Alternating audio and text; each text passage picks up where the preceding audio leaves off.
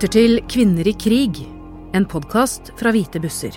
Jeg heter Karine Næss Frafjord. Denne episoden handler om Inger Gulbrandsen. En av 103 norske kvinner som ble sendt til konsentrasjonsleiren Rafensbrück under krigen. Inger var aktiv i motstandsarbeidet fra hun var 14 år gammel, før Norge ble okkupert.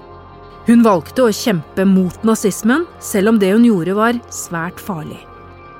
Inger sendte nyheter til motstandsfolk i Tyskland, gjemt i Nivea-bokser og tannkremtuber. Da krigen kom til Norge, ble en viktig jobb å fjerne all informasjon om motstandsfolkene i Tyskland, slik at nazistene ikke fant det. Det gjorde hun sammen med den tyske venninnen Annelie. Og vi fikk med oss noen kamerater og bar med oss ryggsekker og sånn, fulle med, med lister og papirer og alt som var forbudt da, i den leiligheten der og i noen andre. Og bar dem ned til en kjeller hvor vi satt og fyrte opp dette her.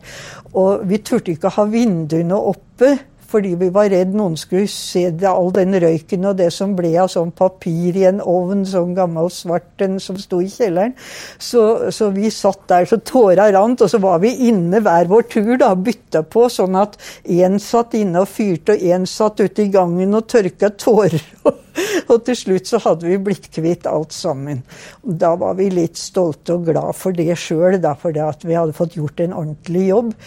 Det som redda oss egentlig den gangen, det var at Blücher, det store troppetransportskipet, ble senka ut i Oslofjorden. Og dermed så lå de ettersøkingspapira på de tyske flyktningene i Norge, de lå på Blücher. For det var det første Gestapo skulle gjøre i Norge. Så var det å styrte rundt i alle de leilighetene hvor de visste det bodde folk, altså sine egne, og arrestere dem og leite etter papirer som var forbudt. Og når de kom da etter to-tre dager, så fikk de kopier av de Blücher-papira med fly fra Berlin, men da hadde vi altså klart å tømme det. Så det ble ikke de, Men de skar opp stoler, og de skar opp en sofa. De skar ut bilde ut av ramma for å se om det var noe papir imellom, og gjorde liksom sånn hærverk, men de fant ingenting. Det var liksom den første jobben som vi hadde illegalt. Hvor gammel var du da? Da var jeg 17 15. Var du ikke redd, da? Nei, vi var i grunnen ikke redde, skjønner du. fordi dette var jo veldig spennende, for det første. Og så var vi jo sint på dette her. Sånn enkelt sint på nazistene. Og jeg hadde hatt en nazistgutt i klassen som jeg hadde krangla med hele middelskolen igjennom.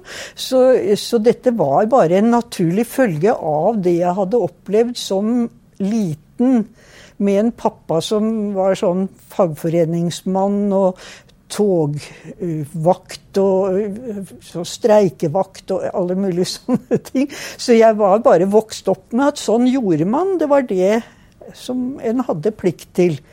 Så det var ikke noe problem, egentlig. Men så fikk vi nye oppgaver, da.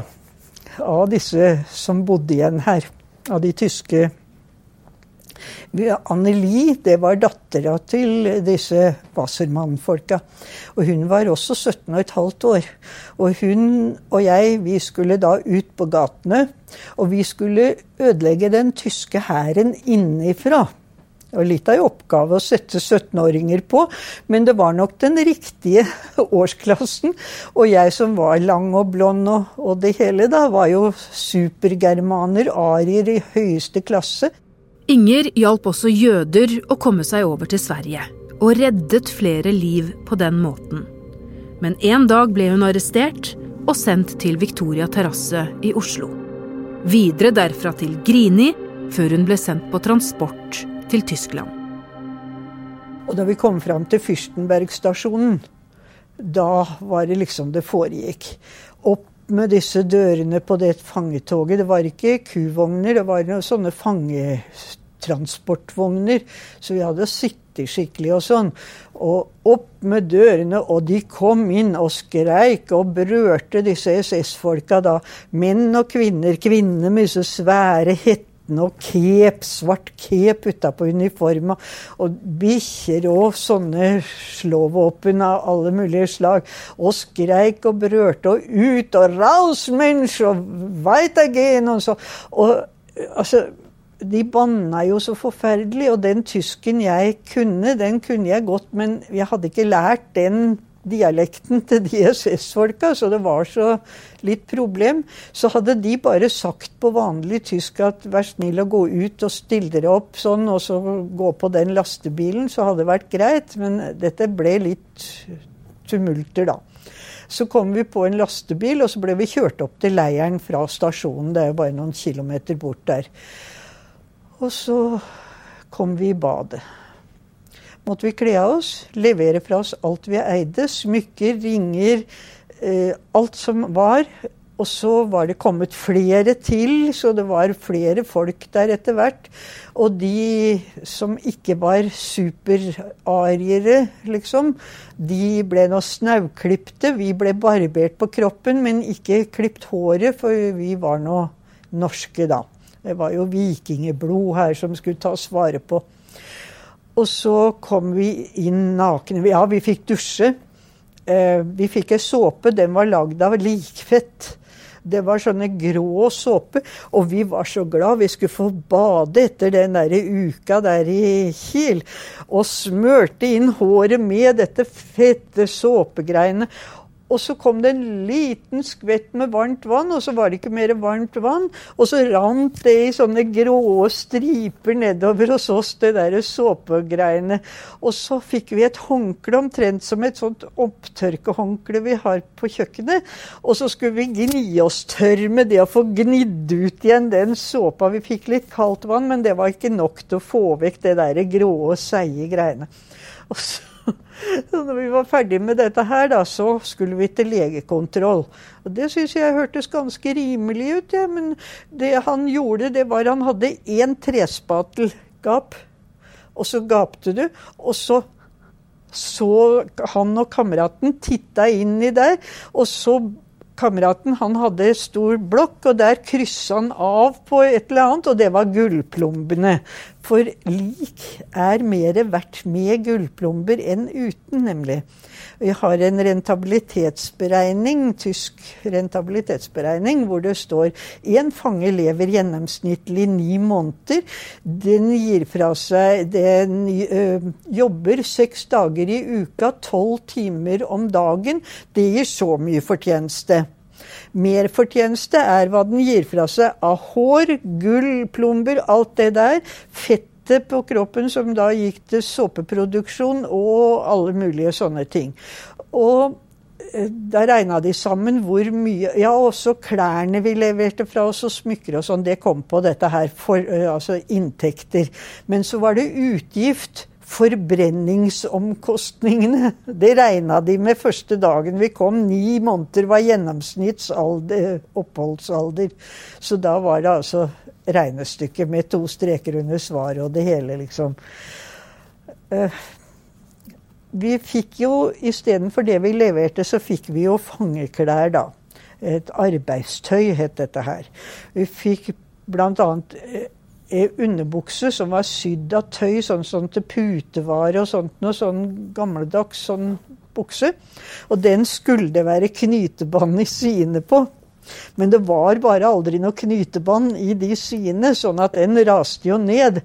Og da måtte du gå med handa gjennom kjolen og så holde fast på underbuksa så ikke den datt ned. Og så fikk du strømper, og de rakk til knærne. Og så via de seg ut, for det var jo lagd av sånn ja, treull eller noe sånt. Og så via de seg ut, og da gikk de aldri mer sammen. Så når du skulle begynne da å marsjere med en sånn tresko, en tregreie med en reim over, så datt jo de strømpene ned. Men du måtte jo holde buksa. Så måtte du dra opp ei strømpe og dra opp ei strømpe, og så når du løfta opp beinet for å dra opp strømpa, så datt jo treskoen av. Måtte et par skritt bakover for å finne igjen treskoen og dytte beinet inn i de løkkene igjen. Og så ble det bare ikke den der tyske takten og orden som de forlangte. Altså 'Ordnung muss sein'. Achtung! Marsj, marsj! Og der kalte vi det en demokratisk utakt, det vi presterte der. For det gikk bare ikke. Vi var også til sånn registrering, og jeg kunne jo tysk, så vi sørga for at alle som kunne tysk, hadde en, to, tre stykker, fire-fem stykker ved siden av seg som ikke kunne tysk, da. Og så kunne oversette for, for at det ikke skulle bli for mye spetakkel. Og de spurte etter de merkeligste ting. Og så var det noen av disse orda som jeg ikke kunne. Muttermal. Eh, det var eh, føflekker. Og narben. Hadde aldri hørt om narben. Det var eh, arr. Det skulle de ha greie på. For i fall vi skulle ettersøkes hvis vi rømte eller noe sånt, så skulle de ha greie på det. Og jeg, siden jeg ikke visste verken hva motormal eller narben var, så sa jeg for sikkerhets skyld nei for alle de jeg hadde rundt meg, fordi jeg tenkte at det er sikkert noe stygt, det er noe som ikke skal være der, det er sikkert noe farlig å ha. Så jeg sa nei, er, vi har ikke det. Så der gikk en feilfri gjeng gjennom den der kontrollen. Uten en operasjonssår eller noe som helst, så det var veldig bra. Og så var vi også til gynekologundersøkelse. Og det foregikk på samme måten. Vi var nakne. og en sånn, ikke trespatel, men de hadde en slags glasstav som de skulle undersøke med. Opp i gynekologstol. Og så en spesialist da, som skulle undersøke innvendig med denne glasstaven. Men det viste seg jo, det var jo ikke sykdommer han leita etter. Det var jo smykker, gull, penger, hva som helst verdisaker som vi skulle ha i underlivet da. Men så var det det de 28 norske på den transporten tok full fart og for fram, og så ut som vi gleda oss fryktelig til å få lov til å komme førstemann i den gynekologstolen. og alle så på oss, for vi hadde oppdaga at det var 100 jenter fra Calais nede i den franske byen som eh, var tatt i en razzia på havna. Og vi visste ikke hva slags jenter det var, så vi ville ikke den gynekologstolen etter dem. Så derfor styrta vi fram og liksom ble undersøkt først. Så det Aldri noen som har sett så glad ut for å komme til undersøkelse. Men den der gynekologstolen, den ble brukt til mye. Småjenter i, i leiren. Det så vi etterpå. Sigøynere jødiske småjenter ble tatt opp i den gynekologstolen ti år gamle. Tenk noe Altså, det er, det er, ikke morsomt engang, altså. Og de ble sterilisert uten bedøvelse, uten noen ting. De hadde ikke rein bukse, ingen, ikke en bleie, ingentingen å sette på disse her små, magre skinna som gikk der, altså. De skulle vel få lov til å vokse opp og bli arbeidskraft. Men eh, noen formering av de mindreverdige rasene, det skulle de ikke ha. Men så til slutt, da, omsider, etter den lange turen og all den der greiene, så kom vi på brakka. Tre senger i høyden, to i hver seng. Eh, madrassen hadde nok vært i den senga fra 39, fra det leiren var bygd. Da var leiren lagd for tror jeg var 8000 eller noe sånt, ja, men nå var det iallfall Etter hvert ble det 45 000 der. Eh, de madrassa hadde tydelig preg av at vi ikke hadde noe å hjelpe oss med. At den første underbuksa jeg hadde, hadde jeg i tre måneder før jeg fikk skylt den opp i kaldt vann. At mennesker hadde diaré, at de hadde tyfus, alle mulige slags former for sånn diarésyker. Og at bare vannet kunne vi ikke drikke fordi at det var eh, tyfus og sånt noe i. Og i det hele tatt. Så sengene så sånn ut. Så prøvde noen av og til å snu madrassen, men da ble det jo ramaskrik i den etasjen under, vet du. For de fikk den ned mot seg, for det var jo bare sånne sprinkler de madrassene lå på. Så det nytta heller ikke. Ellers så hadde vi et ullteppe, et såkalt ullteppe hver oss, og så et rutete dynetrekk. Og da foretrakk vi å legge det ene ullteppet på madrassen, sånn at vi ikke så den iallfall. Og så det andre dynetrekk, nei, det andre ullteppet la vi på si så lenge. Så krøyp vi ned i hvert vårt dynetrekk og knytte det godt rundt halsen, så ikke de der velsigna lusa, loppene, kakerlakka, veggelus og alle de slaga som var, eh, ikke kom på oss før vi fikk sovna. For det var mange som ikke tålte alle de der. Det ble store, det ble store sår, flegmoner. Etter hvert med vitaminmangel og sånn, så grodde ikke sår i det hele tatt. Og venninna mi, Solveig Karlsen ute fra Askim, artig jente. Vi lå jo i samme senga i halvannet år. Hun fikk lagd seg en hofteholder, vi, det lærte vi etter hvert. da.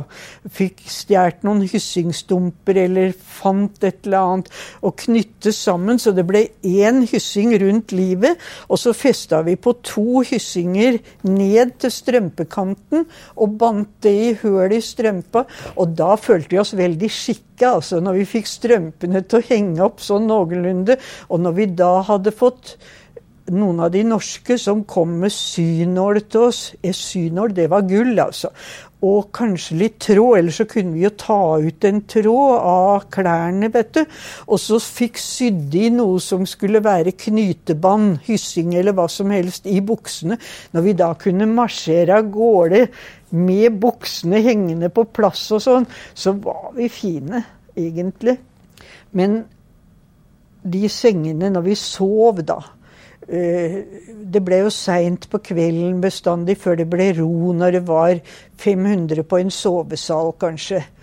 Og så eh, På den første brakka vi bodde altså Vi var jo først på ei sånn eh, isolasjonsbrakke, da, for at ikke vi skulle spre smittsomme sykdommer utenifra. Sogangsblokk, het det.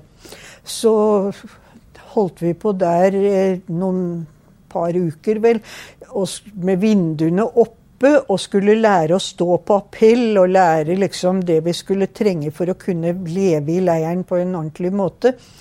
Og så skulle vi lære å re sengene og i det hele tatt. Og det var veldig viktig, det med sengene. Det var Bettenbau, het det. Nemlig i 39, da de hadde halm i de der, så ble jo sengekanten litt høy sånn med halm. Men nå siden det ikke var igjen noe halm, nå gjaldt det å finne et høl i madrassen og dytte halmen ut til sidene, sånn at det så ut som det var halm i hele madrassen. Men så ble vi flyttet over på brakke 7. Og der var det elleve forskjellige nasjoner. Og da skulle vi begynne å jobbe. Og vi møtte opp på appellplassen da klokka var 20 over tre, så urte appellsirena. Da skulle vi stå opp, og så var det Bettenbau, og så var det Frokosten den hadde vi lite bryderi med, for vi var så sultne om kvelden at den brødbiten som vi hadde fått som skulle være frokost, den spiste vi som regel opp. Og så hadde vi surrogatkaffe å drikke. Og så dro vi ut på appellplassen, og der skulle vi da stå, og det skulle telles. Eh, tallet skulle stemme. Altså 45 000 mennesker fordelt på 32 brakker. De de, brakke 32 var nok noe større enn de andre. Men etter hvert så var vi altså 1000 stykker på hver brakke. På hver halvpart var det 500. Vi hadde et dagligrom til å begynne med, nemlig. Men det ble det slutt med, for de satte inn senger der også. Og det hendte at de sengene som var 70 cm breie, når vi lå to stykker i dem, og de satte sammen to sånne rader med senger, at vi da lå fem i to senger. Og når da kanten på senga er såpass høy, og det kommer to senger sammen Den midterste ligger faktisk på de trekanta. Det var ingen behagelig sovestilling. Så det hendte jo det at den ytterste da på kanten, at den ble skyvd ut, og at den datt ned og sånn. Og da sto vi opp, gjorde i stand senga, spiste og dro ut. Og så var det at det skulle stemme. Men så var det da noen som hadde funnet ut at hvis de gjemte bort et lik, så fikk de altså en ekstra brødrasjon til blokka den dagen. Eh, da stemte jo ikke tallet, så da måtte en låne et lik eller et menneske fra nabobrakka og få smugla det tilbake igjen når tellinga var over. Og sånn gikk det videre og videre helt til brakke 32 da. Uh, og det å stå der Vi sto der i ca. tre timer, altså til klokka var seks om morgenen. Og telte og telte, for det skulle stemme. Hvordan var samholdet da mellom dere norske? Det var veldig. Fordi vi var bare 100 omtrent. Og dermed så kjente alle alle altså vi, vi visste om hverandre. Vi bodde ikke sammen. Vi bodde på forskjellige brakker, var på forskjellige arbeidsplasser etter alder og, og, i det hele tatt sånn. Og etter hvem vi klarte å bli kjent med som skaffa, og hva vi hadde å bytte med og sånne ting. Så, men vi visste om hverandre. Og hvis det var en som ble syk og kom på sykebrakke, så var støtta hele gjengen oppunder det. Og så hadde vi da ganske mange som var NN-fanger. Og det var også ganske håpløst, fordi de fikk ikke brev, og de fikk ikke pakker. Men da hadde vi et solidaritetsmøte, så vi ble enige om at pakkene skulle deles. Men det var ganske hardt å dele pakke i to og gi bort den ene halvparten. For du var aldri sjøl med halv pakke, så var du aldri mett, vet du. Hva var det i disse pakkene? Det var svenske pakker hvor det var eh, tyttebærsyltetøy, tørrmelk, sukker, havregryn, eh, såpe. Enkelte sånne ting som Det var til og med en prest som på slutten fant ut at kanskje damene trengte menstruasjonsbind. Og det fikk vi da på slutten. En gang fikk vi ei sånn lita tranflaske du, det smakte som fløte, altså. Satte flaska sånn glukk, glukk, vet du. Og det var så godt. Jeg klarte ikke å stoppe igjen, vet du. Det var en del som ikke tålte det så godt, da, men jeg syntes det var helt herlig. Plutselig en dag fikk Inger og de andre norske kvinnene høre at alle de norske og danske fangene i Ravensbrück skulle møte ved porten. Og kom fram til kommandanten, og da sto han som pleide å skrike sånn Ferdante Lodron sveinhundia!» Loda. Det var liksom et kjælenavn, det. Og så plutselig så sa han istedenfor dette her Meine Damen möchten Sie bitte zu fünf anstellen? Vil dere være så snill å stille opp fem og fem, sånn at jeg er sikker på at alle kommer med? Dere skal på transport med hvite bussene fra Sverige, Røde Kors-busser fra Sverige. Vi var dåneferdige, ikke så mye for bussa, for det hadde vi jo regna med at noe måtte jo skje en eller annen gang. Men vi hadde jo ikke trodd det skulle skje noe før etter krigen, iallfall. Men at han sa 'meine damen', det var liksom det helt store den dagen. Og så fikk vi komme inn i badet, og vi ble nå telt og greid veldig grundig, så vi ikke skulle få med oss noen feile folk. Og så kom vi inn i badet og fikk dusje i varmt vann. Vi ble tatt ifra alt det vi, dere fangeklærne, og det fikk vi ikke lov å reise i. Så vi fikk noen sivilklær som ikke var våre det bare et eller annet som de hadde tatt fra noen andre. Og så skulle vi vente til det ble morgen, for vi fikk ikke lov å kjøre. Så vi satt inne i det badet. Noen sovna av i forskrekkelsen, og noen satt bare der. Og vi prata sammen og, og, lurte på hvordan dette her skulle gå gjennom Tyskland. Vi visste jo Vi hadde jo hatt hele disse flysvermene av våre allierte over huet på oss og ned til Berlin, så vi visste jo hva som hadde foregått. Og var jo forberedt på alt på den turen hjem også. Inger og hennes fangevenninner kom hjem med de hvite bussene. Ikke alle var så heldige. Ni av de 103 norske kvinnene som ble sendt til Ravensbrück, døde der. I alt var det omkring 132 000 kvinner og barn i Ravensbrück, i tillegg til 20 000 menn. De kom fra 40 nasjoner. 90 000 mennesker ble drept. Du har hørt Kvinner i krig, en podkast fra Hvite busser, støttet av Fritt Ord og Bergesen-stiftelsen, og produsert av Frafjord Media. Dette intervjuet ble tatt opp 23. august 1999 som et ledd i Hvite bussers arbeid for å bevare tidsvitnenes historier for ettertiden. Lyddesign er ved Frode Ytterarne. Jeg heter Karine Næss Frafjord. Takk for at du hører på, og holder historien levende.